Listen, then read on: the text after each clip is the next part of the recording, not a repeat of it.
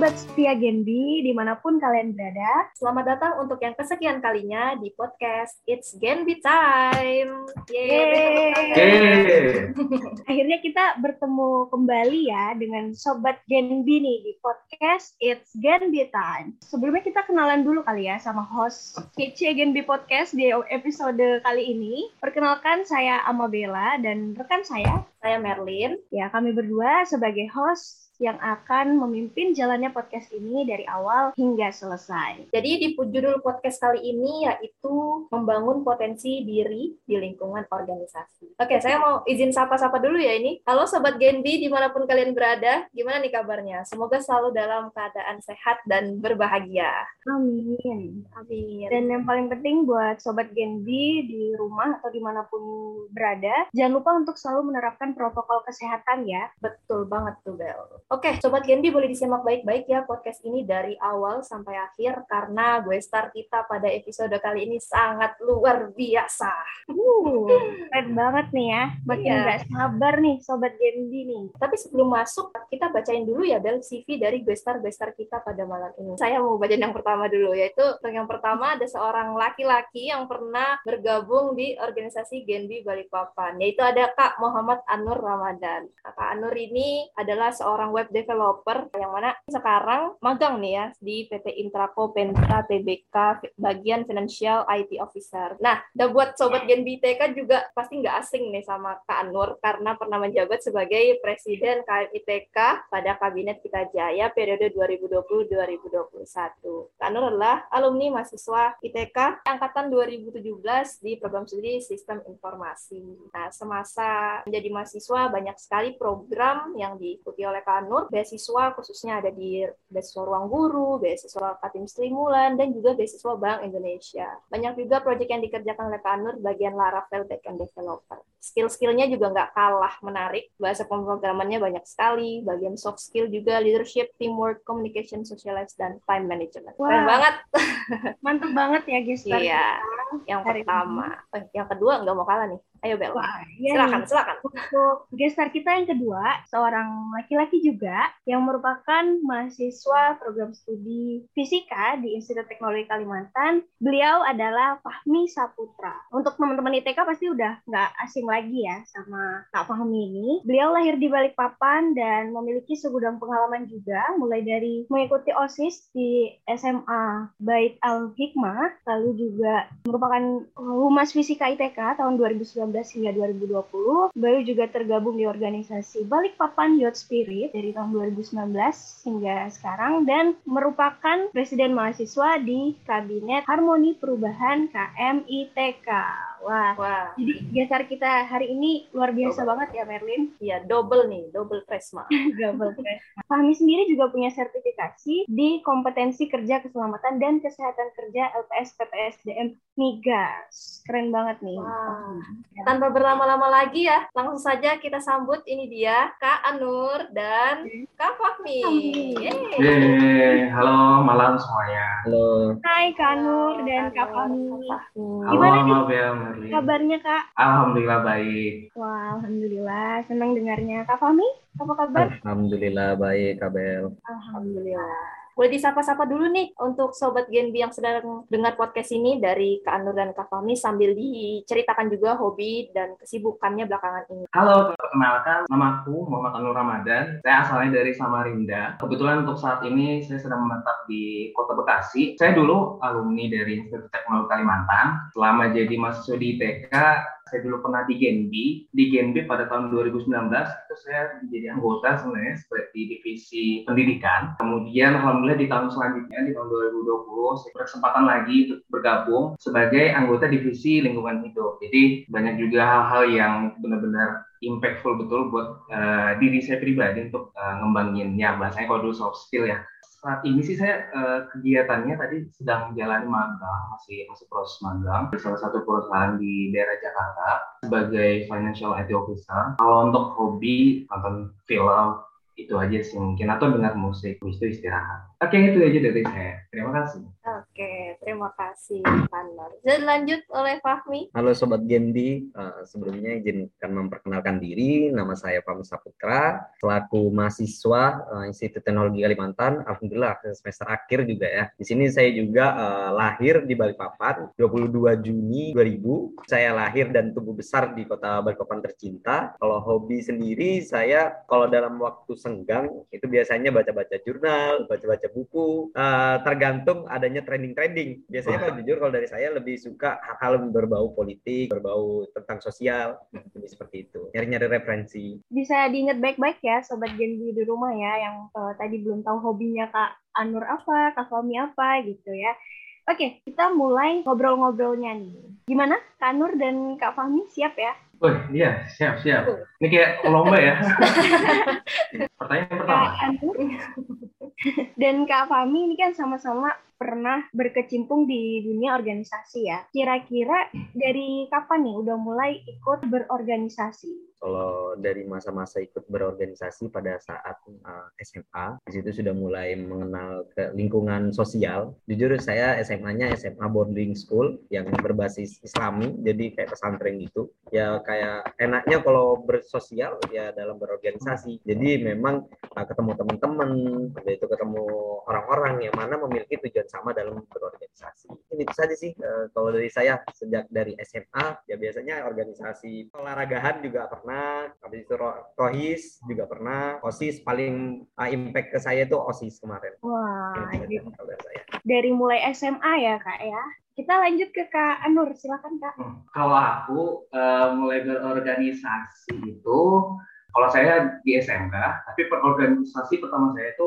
uh, berbasis Islami. Pada saat itu, ya mungkin kalau orang-orang awam kenal organisasi Rohis ya, Rohanian Islam uh, Pelajar. Nah, cuma di SMK Negeri 7 itu nama organisasinya Pusdipa, singkatan dari Pusat Studi Islam Pelajar. Setelah saya bergabung di Pusdipa itu, uh, saya mulai diamanahkan oleh pembina OSIS untuk menjadi ketua bidang satu di OSIS SMK Negeri 7 Samarinda. Jadi kedua organisasi itulah pertama awal pertama kali saya terjun di dunia organisasi.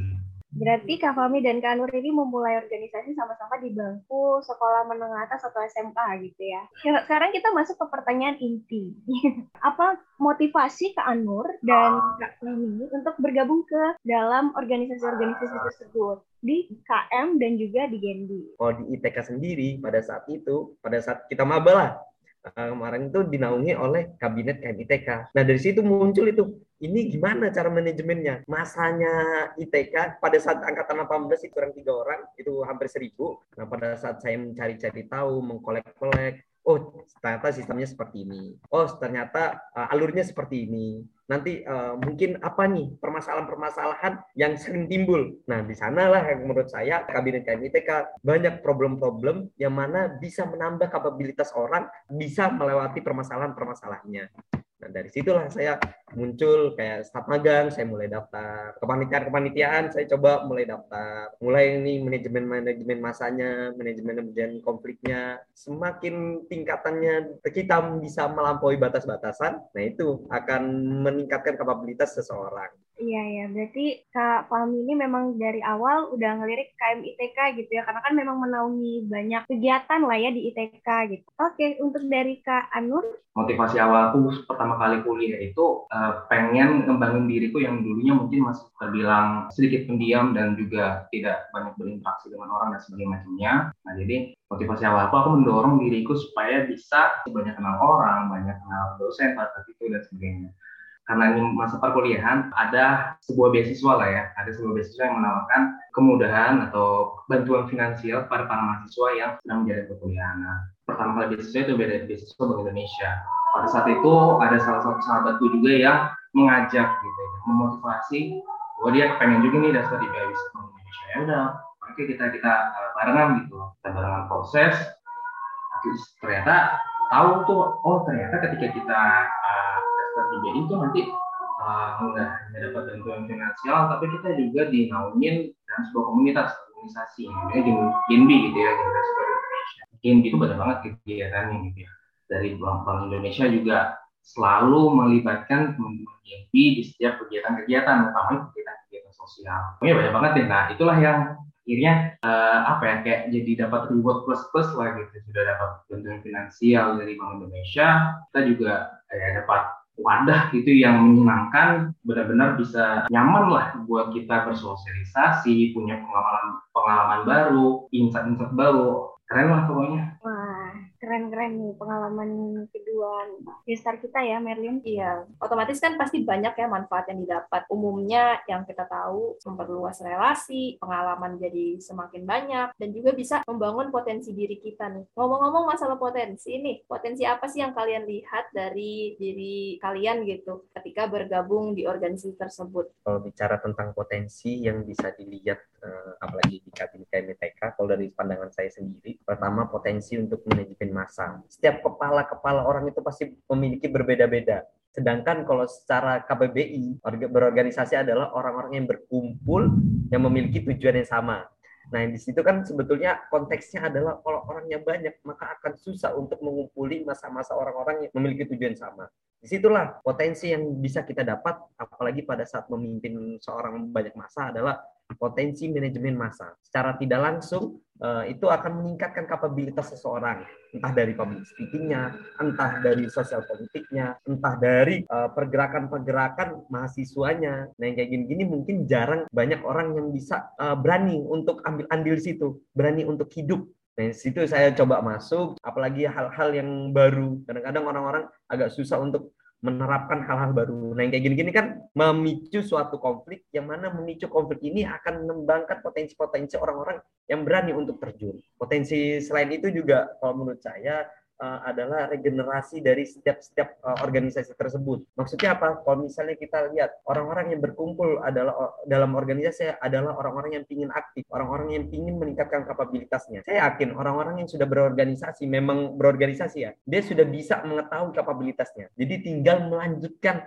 dia mau arah ke mana, mau arah ke pebisnis, monggo, mau arah jadi pengusaha, monggo, mau jadi peng, arah pegawai, monggo. Itu kan semakin enak, semakin banyak jejaring-jejaring. Potensi yang ketiga menurut saya, apalagi di kabinet KMITK adalah uh, badan eksekutif tingkat institut yang mana relasi-relasinya antar BEM itu sama-sama antar kampus dan sama-sama ke pemerintahan. Entah kita bisa berkorelasi, entah kita bisa saling uh, berdiskusi, berdialektika, ini uh, secara tidak langsung menambah relasi dan pendekatan secara emosional entah nanti misalnya pemerintah hmm. ada yang proker-proker atau ada kegiatan-kegiatan. Cara tidak langsung pasti ada melirik kita. Nah, ini sini yang saya melihat potensi-potensi yang ada di Kabinet KMITK untuk ke depannya. Baik secara individu saya pribadi maupun individu dari organisasi tersebut. Oke, berarti potensi yang dilihat Fahmi sendiri memang sudah ada ya, jadi untuk bergabung di KM. Kalau Kak Anur sendiri, uh, apa nih potensi diri yang dilihat ketika bergabung di Gen di Balikpapan? Memang sejak awal motivasiku bersosialisasi dengan orang-orang baru, menjalin relasi dan segala macamnya.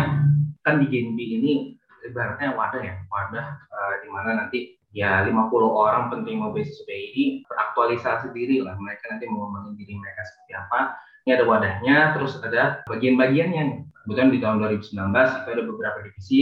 Kalau nggak salah ingat ada KWU, Kesmas, Kominfo, Pendidikan dan lingkungan hidup. Secara globalnya sendiri kelima-lima ini aku punya potensi untuk bisa bersosialisasi utamanya kepada masyarakat dan sebagainya dengan join ke salah satu di antara lima divisi itu. Nah, pada akhirnya kenapa aku memilih divisi pendidikan? Aku merasa segmentasi pendidikan ini uh, hal yang menarik untuk digali. Kemudian bagi aku sendiri juga bukan sesuatu hal yang benar-benar aku concern sebelumnya. Jadi semacam ya mencari pengalaman baru ya di divisi pendidikan ini dan ternyata itu menjadi wadah yang benar-benar nggak salah aku milih gitu. Di sana aku uh, ya join kepada teman-teman yang memang diskusi dan sebagainya pasti concernnya pendidikan. Apa nih proker-proker yang akan kita jalankan dan setahun ke depan di dunia pendidikan gitu kan nah, ada beberapa di antaranya yang terlahir di rumah belajar Kendi dan sebagainya macamnya. Nah salah satu proker yang aku pegang pada itu juga ada Get Fast, tapi gimana kita orang-orang yang ada di divisi pendidikan ini yang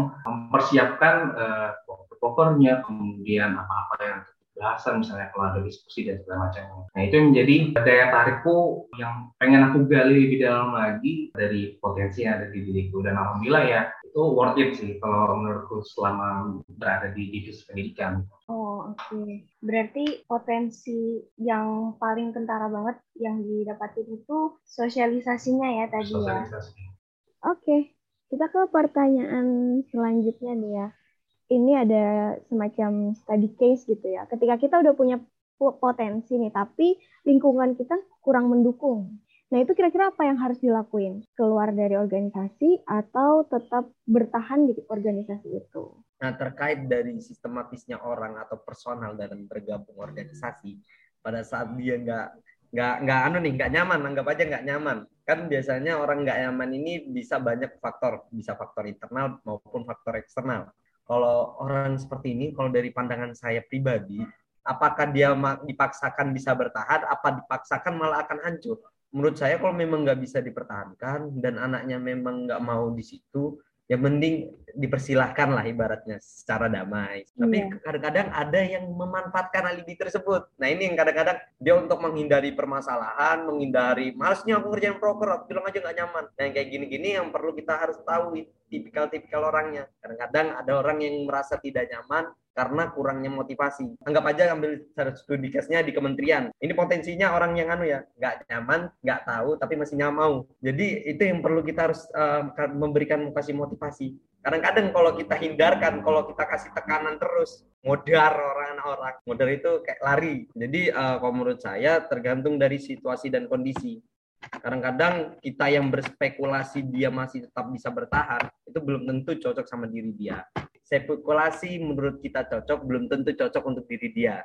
Dan ini halnya sama kembali. Spekulasi yang dia anggap cocok belum tentu cocok untuk dirinya. Makanya itulah, itu dasar manusia adalah makhluk sosial. Menurut saya itu. Oke, lanjut mungkin ke Kanur. Ya, kita pasti punya pengaruh dari internal atau eksternal gitu ya dari orang individu uh, terhadap lingkungannya gitu. Kalau kalau kita kaitkan dengan lingkungan berarti itu faktor eksternal dia gitu dari diri dia dengan uh, ya hal-hal di luar dirinya gitu kan nah, dari uh, dari orang-orang sekitarnya dari kondisi lingkungannya seperti apa.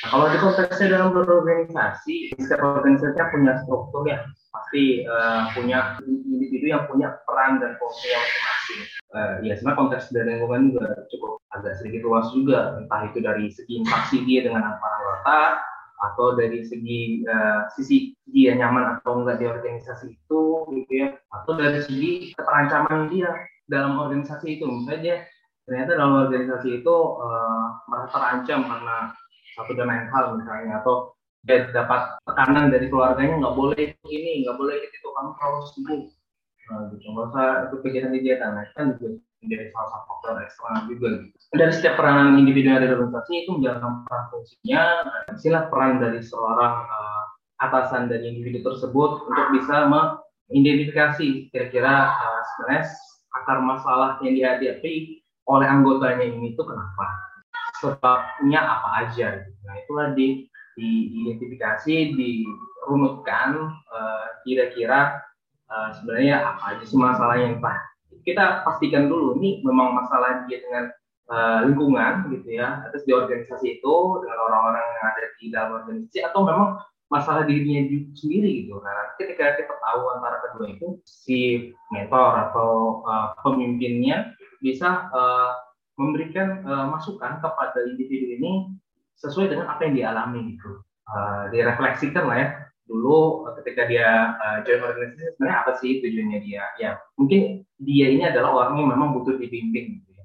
Dia lagi lost aja nih lost jalan. Mau ngembangin potensi kayaknya sudah nggak ada tempat gitu. Udah kayaknya udah titik buntu lah gitu. Nah, dia butuh dibimbing lagi.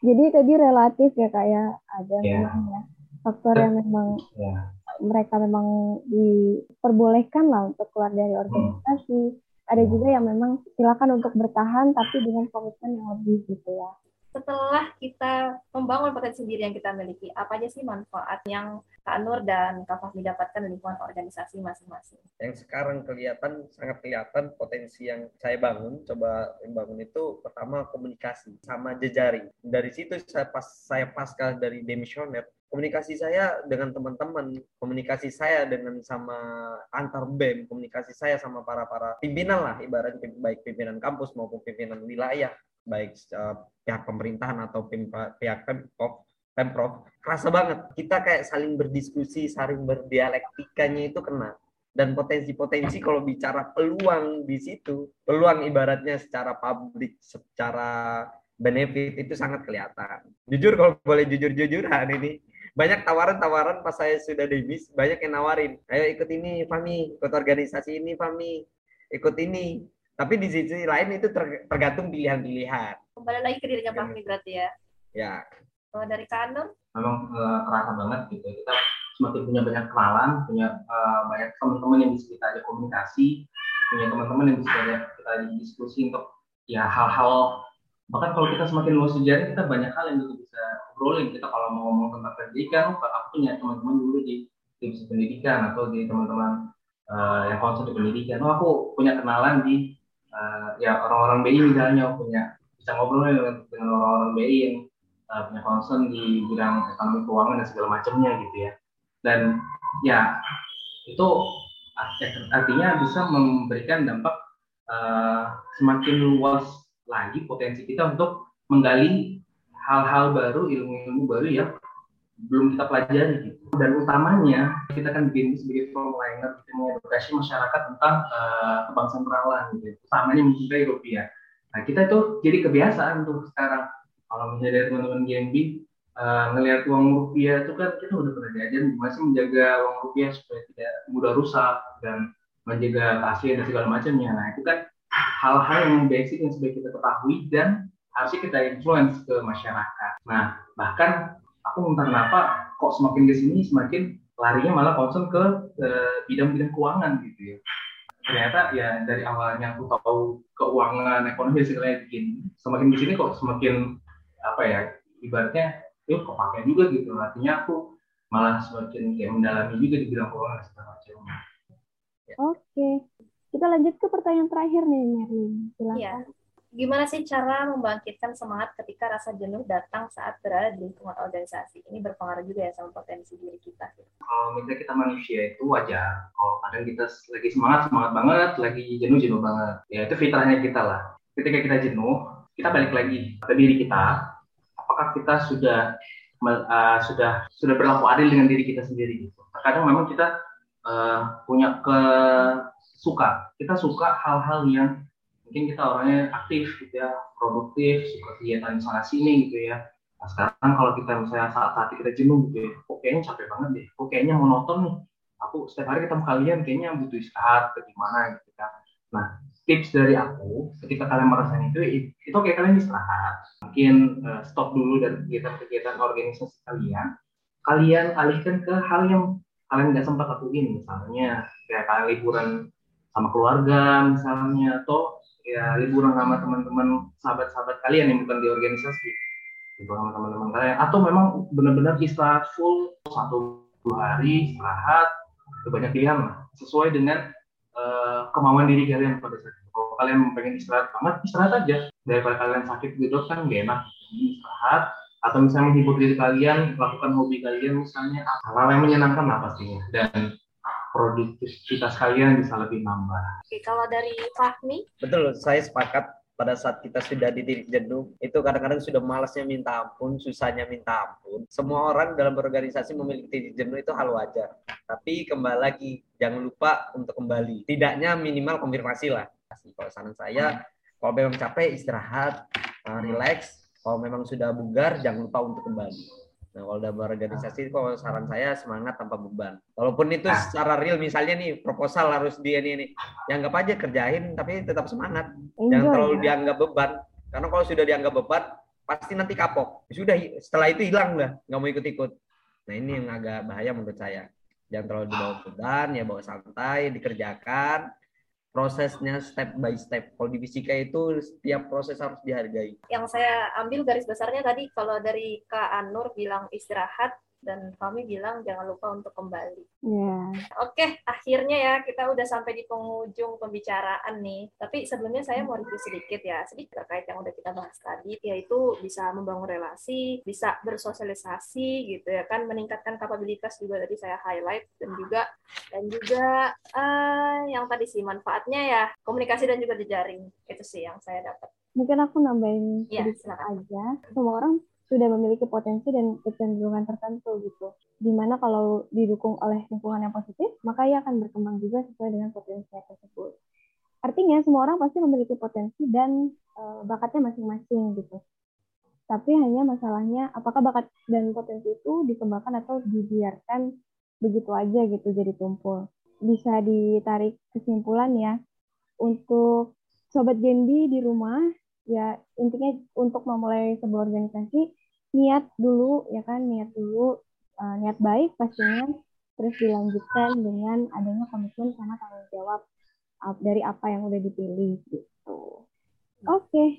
itu dia mungkin sedikit tambahan ya dari review kita. Mm -hmm. sangat menginspirasi sekali ya pembicaraan kita di episode ini. karena apalagi buat sobat Genbi yang ingin membangun potensinya di lingkungan organisasi. Ya kan? Oke, paling terakhir nih dari Kanar dan Fahmi, uh, sepatah dua kata deh buat sobat Genbi ada di rumah. Uh, dalam diri kita yang bisa menentukan itu tergantung dari kitanya. Saat kita memilih, jangan sesali, jangan takut untuk melangkah. Lebih baik kalau kalau pada saat kita takut, lebih baik diam kalau kita pada saat kita berani, lebih baik kita jalan. Mungkin itu saja kalau dari saya. Oh, Oke. Okay. Keren, keren, keren. Kalau dari Kak Nur? Wah, gimana tahu ya. Kalau dari aku, uh, simpel aja sih buat teman-teman GMP yang ingin uh, meningkatkan potensi dirinya di organisasi.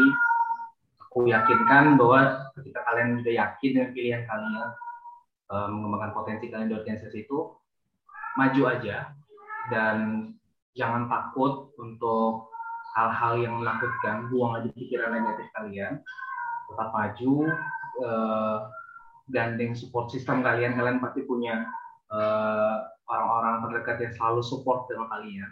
At least kita nggak bisa menyangkal juga banyak juga orang-orang di luar sana yang uh, ya mungkin menghujat kita, menjatuhkan kita segala macam. Anggaplah mereka mereka adalah orang-orang yang takut akan potensi besar yang kita miliki. Hmm. Jadi yakin aja bahwa kalian punya potensi itu dan kembangkan terus terus berproses oke okay. uh, eh, sebelumnya kita mau ngucapin terima kasih banyak banyak banyaknya ya Merlin ya yeah. untuk Kak Anur dan juga Fahmi atas ilmu dan pengalamannya yang udah di share nih ke kita sangat insightful banget ya kita hari ini Iya. Terima kasih banyak untuk Kak Anur dan Kak Fahmi yang sudah menyempatkan waktunya untuk hadir uh, di Gen di podcast ini buat ngobrol-ngobrol dengan kami dan juga Sobat Genbi. Benar. Dan kita juga mau ngucapin terima kasih ya Merlin dan Kak Fami, Kak Anur untuk teman-teman setia Sobat Genbi yang udah stay sampai akhir nih. Iya, betul. Ya, Makasih Sobat Genbi. Iya. Dan kita juga nggak henti-hentinya ya buat ingetin ke Sobat Genbi. Hmm. Lalu taat prokes 3M, mencuci tangan, pakai masker, menjaga jarak gitu ya. Dan pastinya jangan lupa untuk selalu dengarkan podcast It Gen Be Time di episode-episode selanjutnya. Okay. Ya pasti keren-keren banget nih selanjutnya. Betul. Gak sabar. Amin, ya. Pasti nggak sabar kan? benar, benar kak. Oke, saya Abel dan rekan saya. Saya Merlin, pamit undur diri. Terima kasih. Dadah. Bye bye. Oh, Dadah. Aku punya satu pantun nih terakhir buat Oh iya. Ini apa nih? Perlu cakep nggak? Boleh, boleh. Ya. Oke, mulai ya. Malam-malam pergi ke kota. Cakep. Jangan lupa beli alpukat. Cakep. Demikian Gen podcast kita. Semoga bisa bermanfaat. Keren banget. terakhir ini. Iya. Oke, terima kasih banyak. Dadah. Dadah.